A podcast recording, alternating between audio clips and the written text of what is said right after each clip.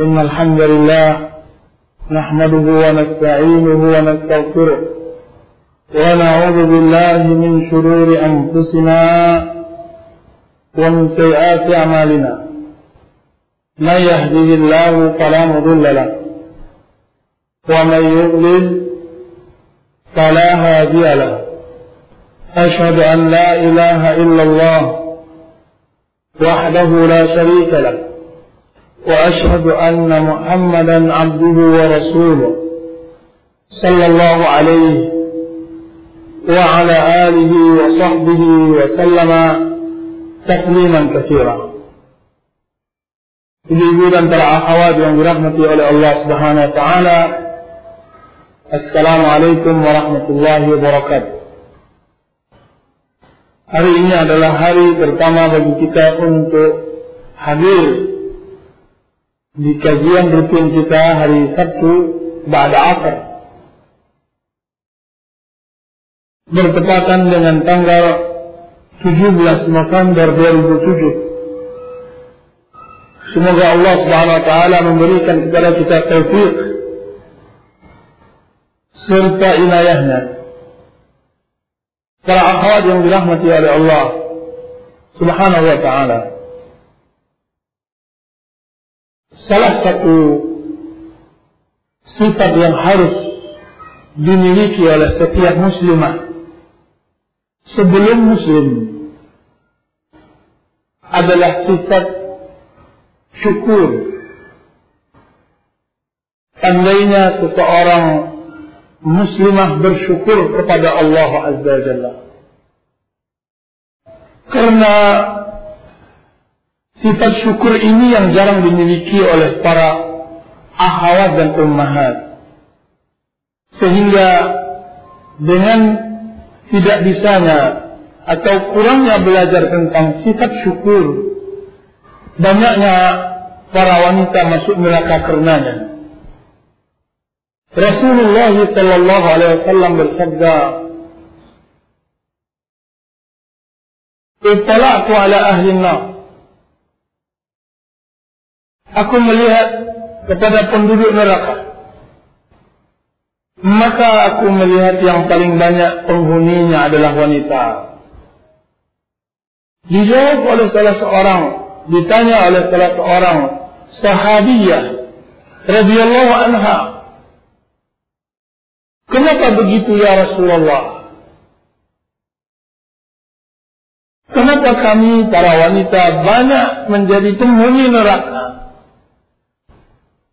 Dijawab oleh Rasulullah sallallahu alaihi wasallam yang seharusnya jawaban ini menjadi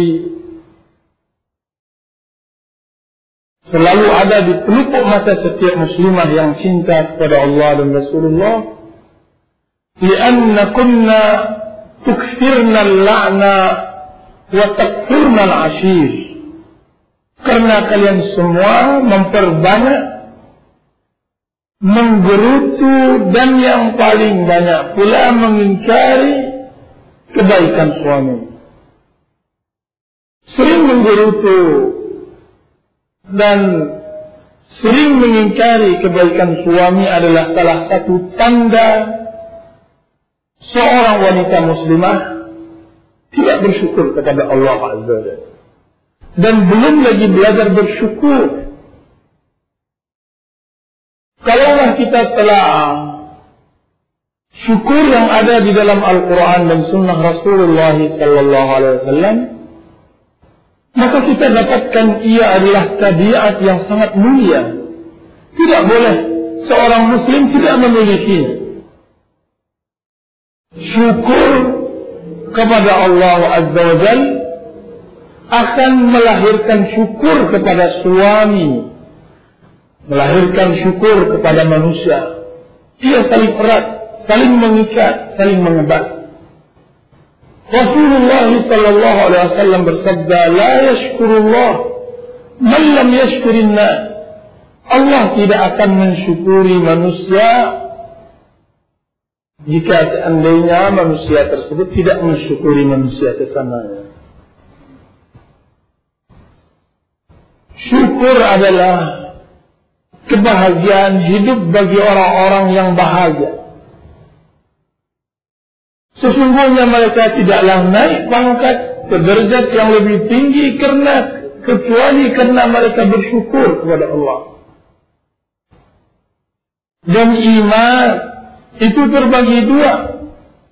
Setengahnya syukur dan setengahnya sabar. Barang siapa yang telah mentifati dirinya dengan sifat syukur dan mentifati dirinya dengan sifat sabar, berarti ia telah merealisasikan iman di dalam kehidupannya. Ini ibu dan para akhwat yang dirahmati oleh Allah. Apa itu definisi syukur? Asyukru wal i'tirafu bil ihsan. Syukur secara bahasa adalah pengakuan ikrar atas kelakuan baik seseorang. Maka syukur secara bahasa maknanya adalah menampakkan menampakkan sesuatu kebaikan atas perbuatan kebaikan yang diberikan kepada kita. Dan syukur juga bermakna di dalam bahasa adalah ujian bagi orang yang telah berbuat baik dari apa yang telah ia dianugerahkan dari kebaikan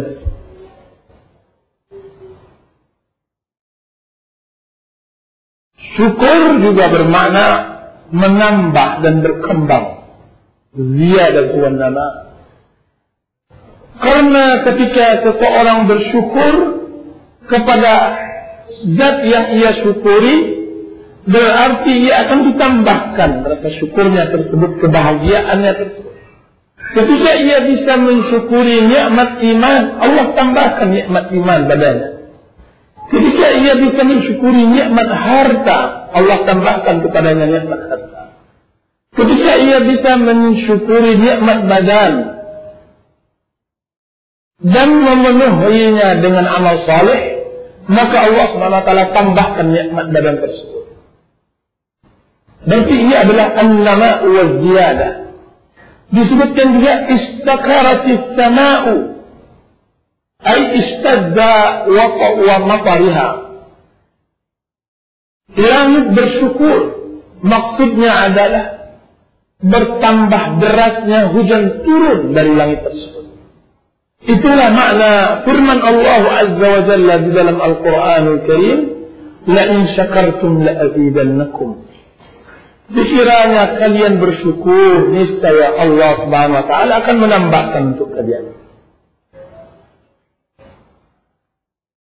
Jadi syukur secara bahasa mempunyai makna yang banyak. Dia adalah tambahan, dia adalah pengembangan dari syukur itu sendiri. Dia adalah ujian kepada orang yang bersyukur. Dia adalah pengakuan terhadap kebaikan. Dan apa pula makna syukur secara istilah? Syukur secara istilah adalah menampakkan pengaruh nikmat ilahiyah atas seorang hamba di dalam hatinya dengan iman. Di dalam lisannya dengan pujian dan zikir kepada Allah. Dan dengan anggota tubuhnya dengan ibadah dan ketaatan kepada Allah. Jadi istilah menampakkan pengaruh nikmat yang Allah berikan kepadanya tersebut dengan hati dengan lisan, dengan anggota badan, hati dengan mengakui dan berikrar, lisan dengan memanjatkan puja-puji syukur kita kepada Allah dengan zikir, dengan doa dan munajat, dan amal saleh anggota badan itu dengan amal saleh dan ketaatan kepada Allah Sehingga nikmat yang sedikit yang Allah berikan kemudian kita syukuri tersebut akan mengantarkan kita untuk diberi nikmat yang jauh lebih besar.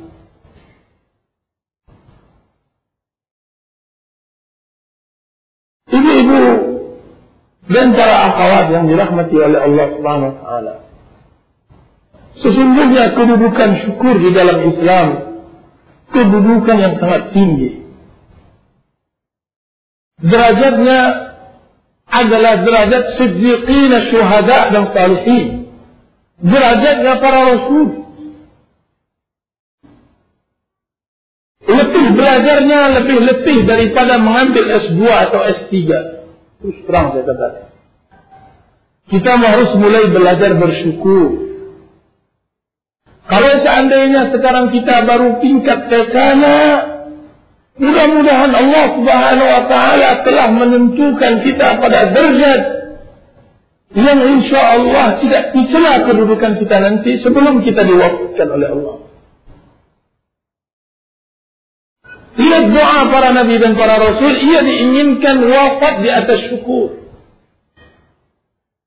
Diwafatkan agar ia bersyukur. Para Nabi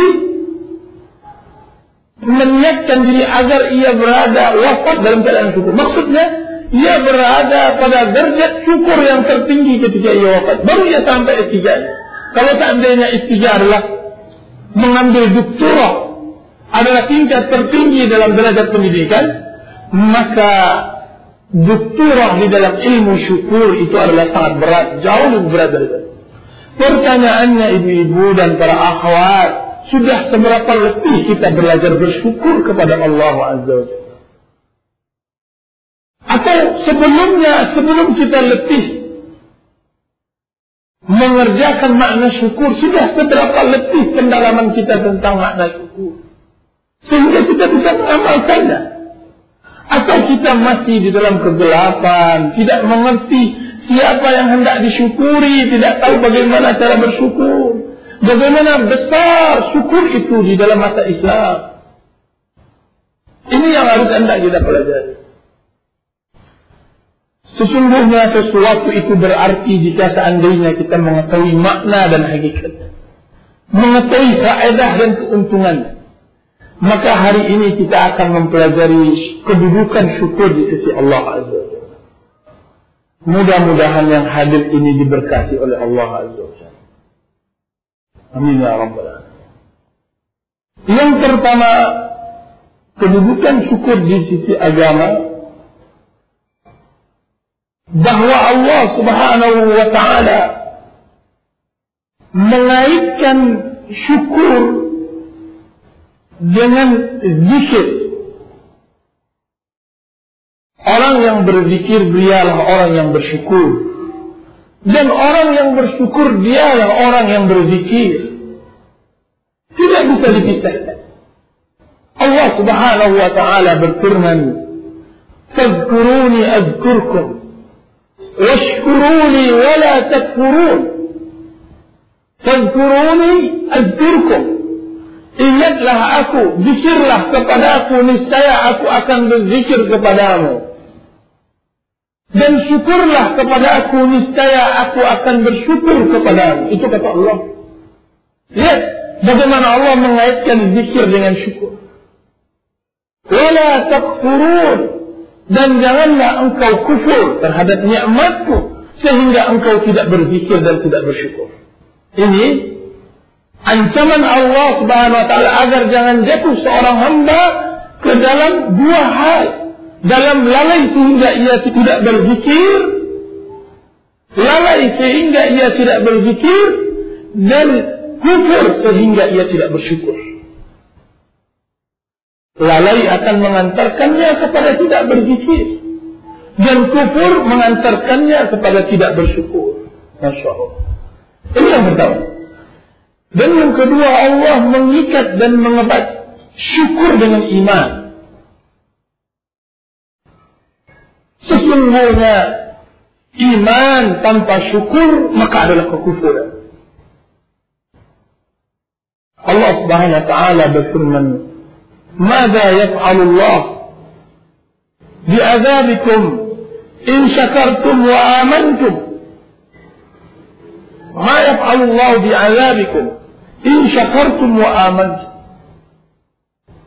Apa yang dapat diperbuat oleh Allah Azza wa Jalla sekiranya kalian bersyukur atau kalian beriman. maka Allah Subhanahu wa taala tidak akan menurunkan azab kepada umatnya sekira umatnya sedang beriman atau sedang bersyukur. Beriman atau sedang bersyukur.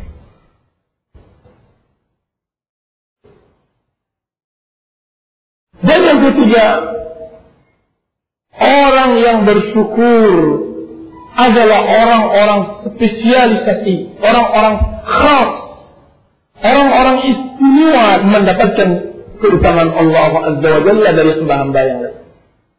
Ahlu syukur adalah orang istimewa Allah dari hamba-hamba. Dari sekian banyak hamba-hamba Allah, maka orang yang bersyukur adalah orang yang istimewa di mata Allah. الله سبحانه وتعالى بالفرمان. وكذلك فتنا بعضهم ببعض ليقولوا أهؤلاء الذين من الله عليهم من بيننا أليس الله بأعلم بالشاكرين؟ Begitulah. Kami mencoba sebagian mereka dengan sebagian mereka agar mereka mengatakan agar mereka mengatakan apakah mereka mereka yang Allah Subhanahu wa taala utamakan istimewakan tersebut dari kami? Apakah mereka-mereka itu adalah orang-orang yang Allah istimewakan dari kami? Itu orang-orang kafir mengatakan kepada orang-orang mukmin. Apakah mereka-mereka itu yang Allah istimewakan? Apa kata Allah Subhanahu wa taala menghardik mereka alaisallahu bi'alama bisyakirin alaisallah bukankah Allah yang paling mengetahui siapa yang bersyukur kepadanya jadi orang yang bersyukur adalah orang yang Allah berikan minnah Allah berikan keutamaan. Yang keempat, bahwa orang yang bersyukur adalah orang yang Allah cintai. Sebagaimana orang yang kufur adalah orang yang Allah benci. Allah Subhanahu wa taala mengatakan, "Inna hadainahu sabil." imma syakiran wa imma kafura. Sesungguhnya kami telah memberikan kepadanya jalan. Apakah ia hendak bersyukur atau apakah ia hendak berkufur? Yang kelima kedudukan syukur di dalam Islam. Sesungguhnya Allah Subhanahu wa taala mencoba hamba-hambanya untuk agar mereka bisa bersyukur kepada Allah. Adanya cobaan, adanya musibah agar hamba tersebut bisa keluar dari cobaan tersebut sebagai hamba yang bersyukur.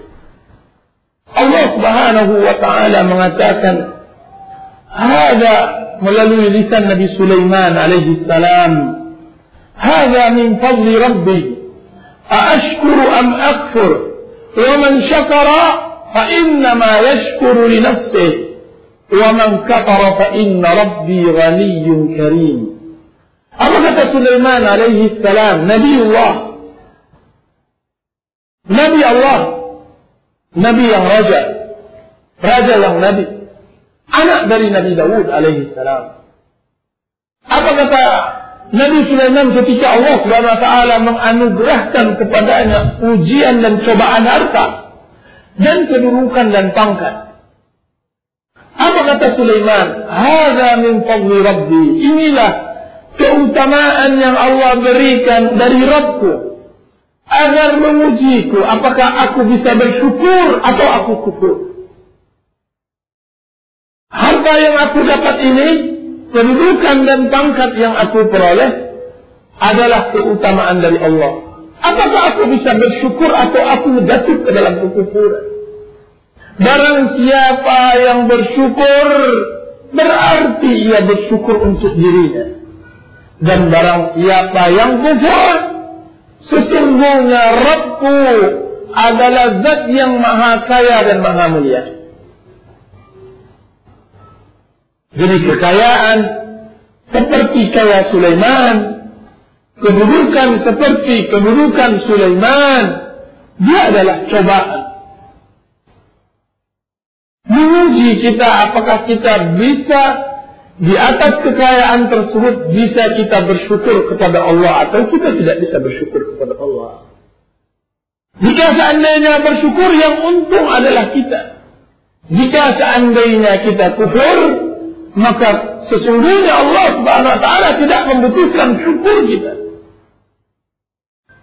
Syukur kita itu faedahnya untuk kita, bukan untuk Allah.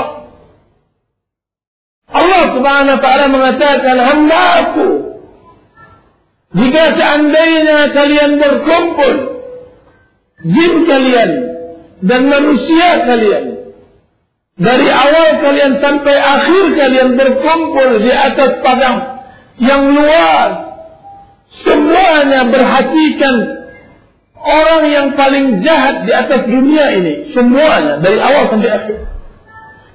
Jin dan manusia, semuanya berkumpul. Berhatikan semuanya dengan hati iblis. Maka itu tidak akan mengurangi sedikit pun dari kekuasaanku. Tidak akan mengurangi sedikit pun dari kekuasaan Allah. Maka syukur itu adalah faedahnya untuk hamba bukan untuk Allah. Sebagaimana dikatakan oleh Sulaiman, "Wa man syakara fa inna ma yashkuru li nafsihi." Barang siapa yang bersyukur, maka syukurnya itu untuk dirinya. Yang keenam, kedudukan syukur di dalam Islam adalah Allah Subhanahu wa taala menjamin penambahan nikmat bagi orang yang bersyukur. Allah Subhanahu wa taala berfirman, "Wa id ta'azzana rabbukum la in syakartum la azidannakum wa la in kafartum inna 'adzabi lasyadid." Sungguh ingatlah ketika Rabbmu telah mengizinkan kepadamu Sekiranya kalian bersyukur, niscaya aku akan tambah. Dan sekiranya kalian kufur, niscaya azabku azab yang sangat pedih. Allah akan menambahkan orang-orang yang bersyukur. Menambahkan nikmat. Demi Allah. Allah subhanahu wa ta'ala menambahkan nikmat dengan bersyukur mensyukuri apa yang Allah anugerahkan dengan menempatkan pada ketaatan kepada Allah akan ada penambahan nikmat dari Allah. Tapi jika seandainya nikmat itu kita lalaikan, maka Allah akan mencabut nikmat itu. Yang ketujuh Allah Subhanahu wa taala redha terhadap semua amalan orang yang bersyukur dan reda terhadap syukur itu sendiri. Allah reda terhadap semua pekerjaan orang yang bersyukur. Pekerjaan apapun yang ia kerjakan Allah reda. Subhanallah. Dan Allah juga reda terhadap orang yang bersyukur. Terhadap perbuatan syukur. Allah subhanahu wa ta'ala berfirman. In takfuru fa inna Allah ghaniyun ankum.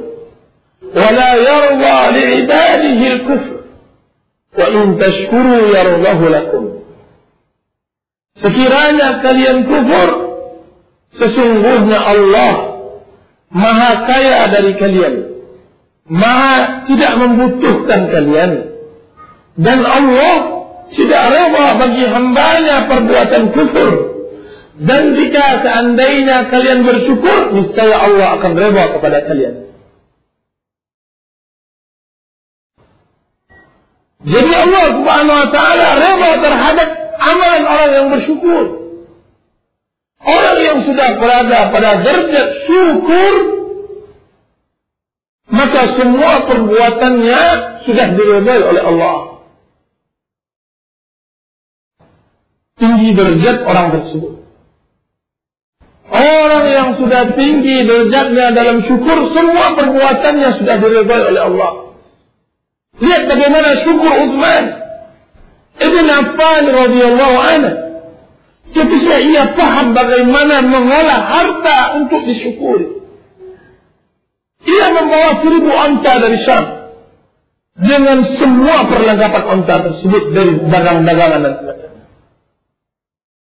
Ketika banyak penawar-penawar dari tengkulak-tengkulak tersebut, apa kata Utsman siapa di antara kalian yang hendak menawarnya dengan 700 kali lipat dari apa yang aku bawa dari Syam? Semuanya menggel. Tidak bisa membeli. Apa kata Utsman bin Affan, seorang hamba yang bersyukur kepada Allah? Sesungguhnya semua yang yang kalian lihat ini aku telah persembahkan kepada Allah. Telah ia persembahkan kepada Allah. Dia bawa kepada Rasulullah SAW, dia persembahkan, Ya Rasulullah, ini unta dari Syam dengan semua perbendaharaan, dengan kekayaan. Dengan apa yang ia bawa dari gandum, korma dan semacamnya. Aku telah serahkan kepada Allah Subhanahu Apa yang terjadi pada perbuatan Uthman bin Affan tersebut? Bersinar dan berbinar wajah Rasulullah wasallam. Kemudian Rasulullah SAW mengatakan kepada Uthman, Ya Uthman, atau ma Uthman, ma fa'ala ba'da tidak membahayakan bagi Utsman apapun yang ia perbuat setelah hari ini. Tidak membahayakan Utsman apapun yang ia perbuat setelah hari ini. Jadi Allah mensyukuri, meredai semua perbuatan orang yang telah sampai pada derajat syukur. Dan Allah meredai kesyukuran. Masya Allah. Tidakkah ada seorang muslim tergerak hatinya untuk sekolah dengan sekolah syukur? Insya Allah Taala ada di antara kita Insya Allah Taala bahkan semuanya berharap mudah-mudahan jadi hamba-hamba yang bersyukur kepada Allah wa. Dan yang lebih luar biasa lagi, ibu-ibu dan para akhwat yang dirahmati oleh Allah Subhanahu wa taala, di dalam syukur ada keutamaan-keutamaan yang sangat luar biasa di antaranya adalah penambahan nikmat tanpa batas. Penambahan nikmat tanpa batas. Allah beri. Bahawa orang yang bersyukur Allah akan berikan kepadanya ganjaran tanpa batas. Berbeda dengan amalan lain. Kadang-kadang amalan tersebut dibatas oleh Allah. Lihat di dalam masalah dan jangan amalan lain. Allah mengatakan, "Fasawfa yughnikumullahu min fadlihi insya." Niscaya Allah Subhanahu wa taala akan mengayakan kamu jika seandainya Allah berkehendak. Jadi Allah berkehendak, baru Allah kayakan. Berbeda dengan syukur bahwa tidak ada kata-kata masyiah kehendak Allah semuanya lepas.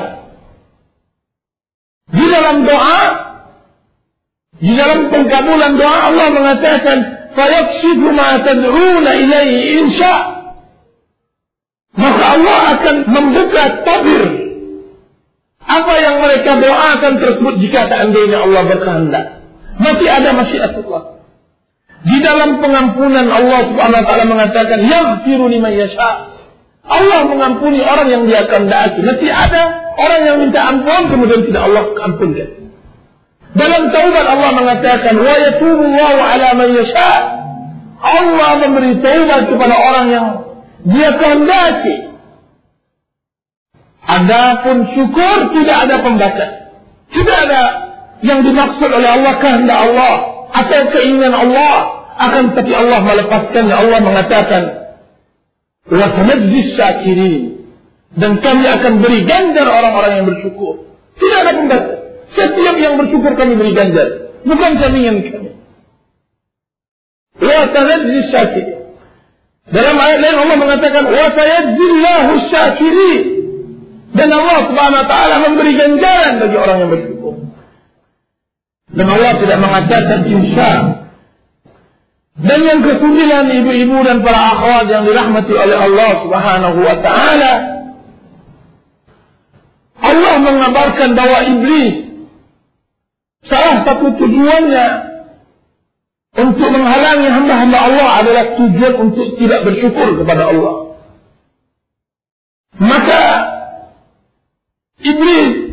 Berjanji di hadapan Allah Azza wa Jalla dengan segala cara agar hamba-hamba Allah itu tidak bersyukur. Maka lihat banyak orang-orang yang tidak bersyukur dan tidak paham tentang makna syukur. Karena memang ini adalah perbuatan iblis. Itu yang paling utama yang ia lakukan. Apa katanya? Di hadapan Allah Ta'ala. Iblis berkata di hadapan Allah. Ketika ia telah dikalahkan. Tidak dimenangkan di hadapan Allah. Tetap Adam saja yang Allah muliakan. Allah hinakan iblis. Karena anda, dia adalah anak Adam. Begitu mulianya anda di sisi Allah. Nenek moyang kita di, di sisi Allah. Allah kalahkan iblis. Akan terlihat iblis. Dia tidak pernah mengalah. Semangatnya masih tetap bersemangat. Dia sekalipun di hadapan Allah. Dia mengatakan. Summa la'atiyannahum. Min khalfihim. Wa an aymanihim. Wa an syama'ilihim. Wa la tajibu aktarahum syakirin.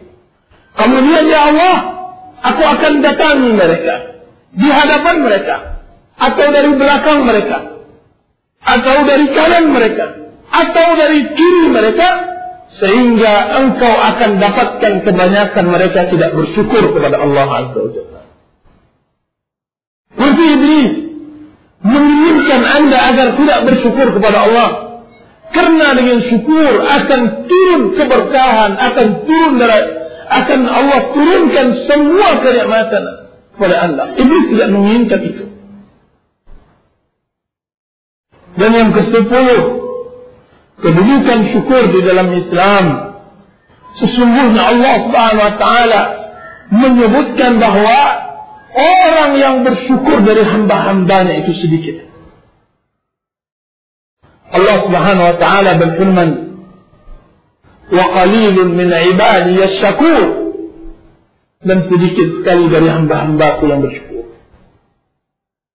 Disebutkan oleh Imam Ahmad bahwa Umar bin Khattab radhiyallahu anhu pernah mendengar seseorang berdoa dia mengatakan Allahumma ja'alni minal aqalli ya Allah jadikan aku dari orang-orang yang sedikit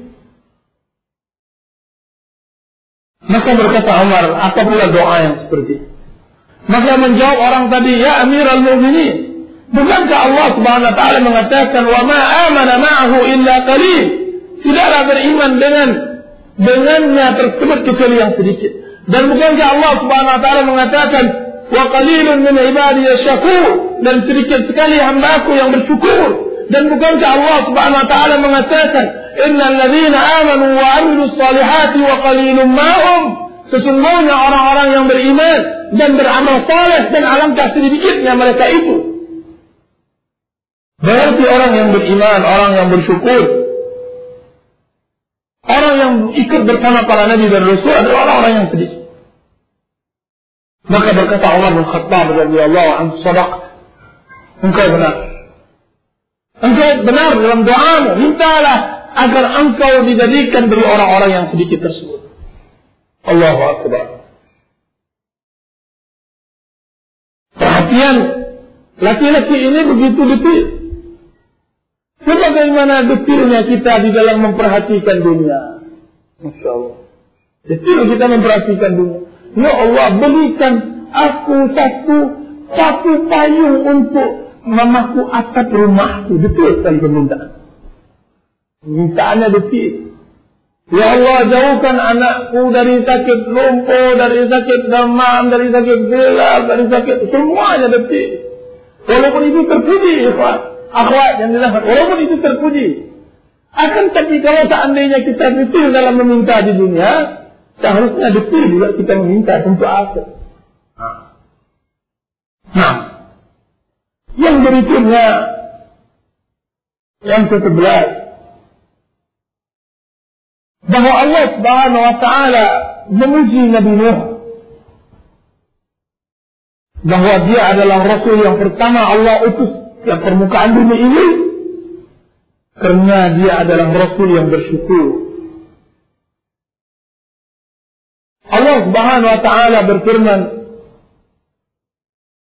ذرية من حملنا مع نوح إنه إنه كان عبدا شكورا ذرية من حملنا keturunan yang kami bawa bersama Nabi Nuh sesungguhnya Nuh adalah hamba kami yang bersyukur seakan-akan Allah Subhanahu wa taala mengisyaratkan wahai anak manusia jika seandainya engkau hendak diselamatkan seperti diselamatkan Nabi Nuh dan orang-orang yang mengikutinya bersyukurlah kepada Allah Seandainya engkau mendapatkan musibah seperti musibah Nabi Nuh, maka belajarlah bersyukur kepada Allah Azza wa Jalla.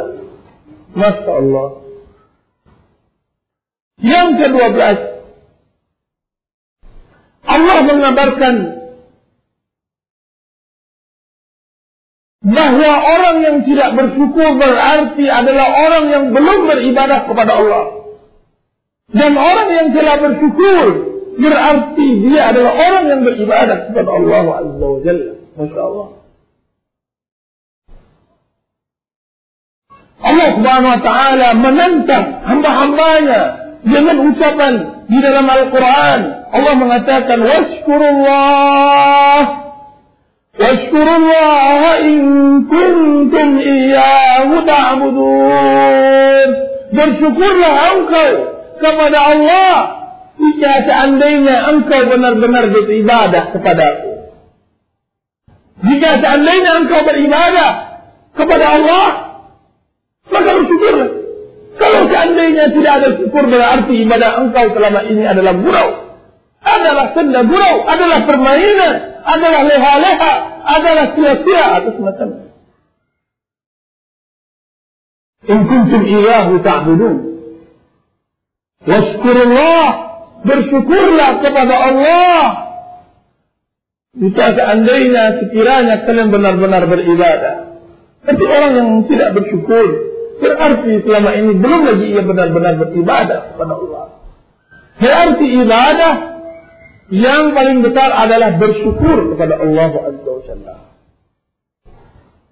Alangkah layaknya setiap Muslim setiap harinya belajar bersyukur kepada Allah. Selalu ditalkinkan pelajaran syukur. Pelajaran syukur. Yang jarang-jarang kita dengar. Masya Allah. Yang ketiga belas. Amat Allah, hamba-hamba Allah yang dimuliakan. Allah subhanahu wa ta'ala memerintahkan hambanya Musa alaihi salam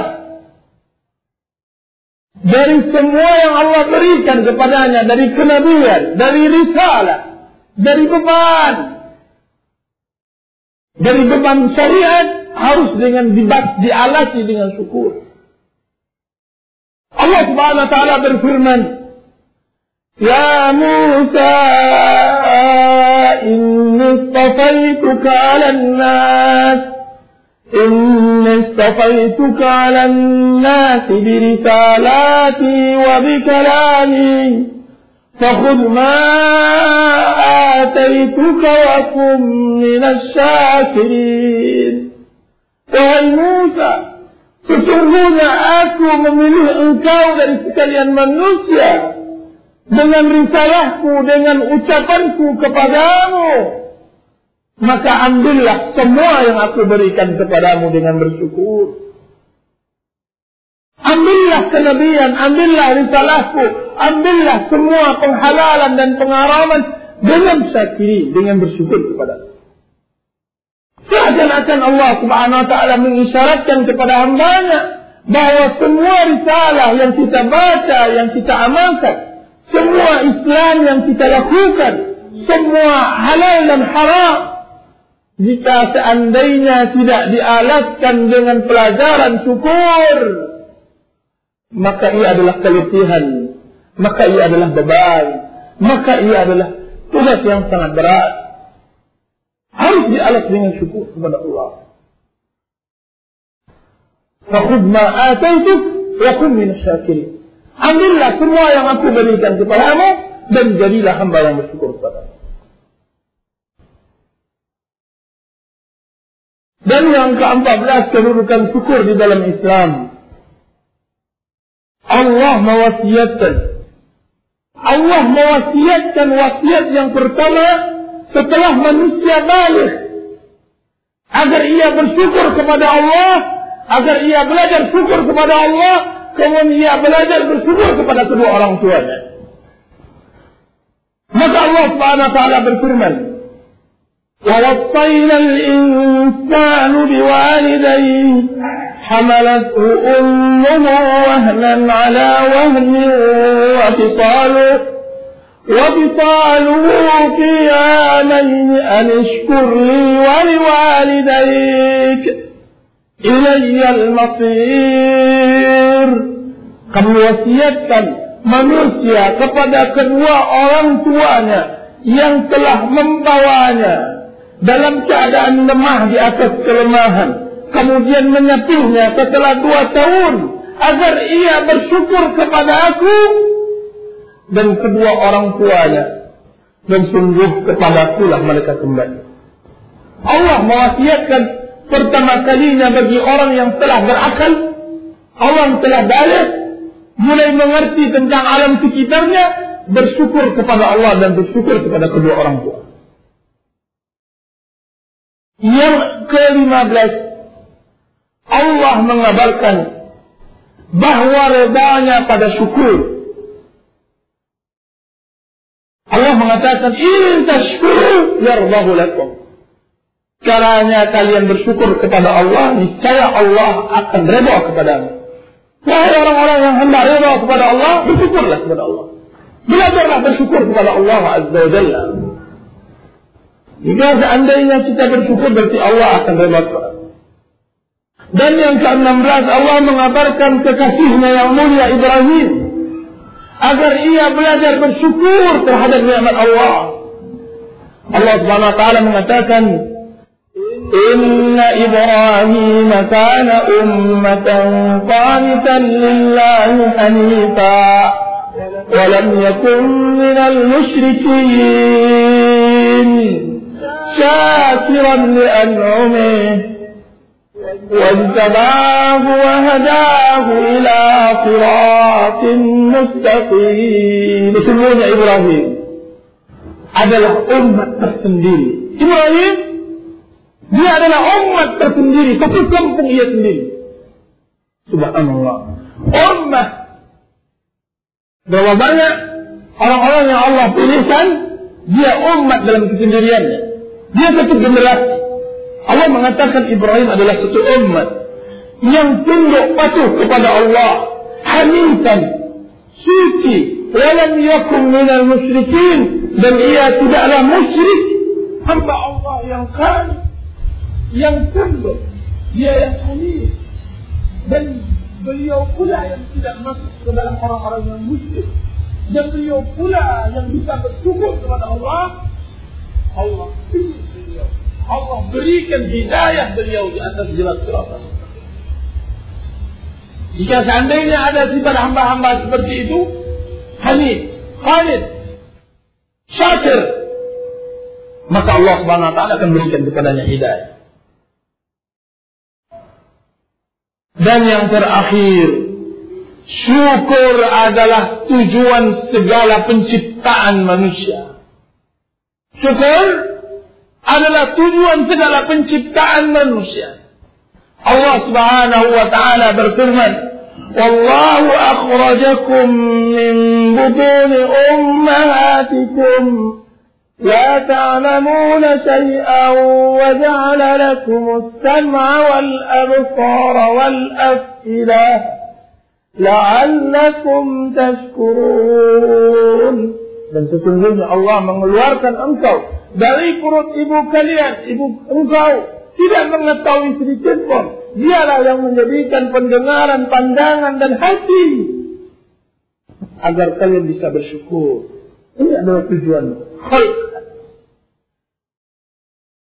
Allah Subhanahu wa taala mengatakan bahwa tujuan semua perintah Allah agar semua hamba adalah bersyukur. Tujuan semua perintah Allah semua perintah Allah dari sunnah, dari yang wajib, dari yang fardu adalah untuk bersyukur. Allah Subhanahu wa taala mengatakan, "Wa laqad nasarakum bi Badrin wa antum adilla, fattaqullaha la'allakum tashkurun." Dan sungguh Allah Subhanahu wa taala telah memenangkan kalian dalam perang Badar.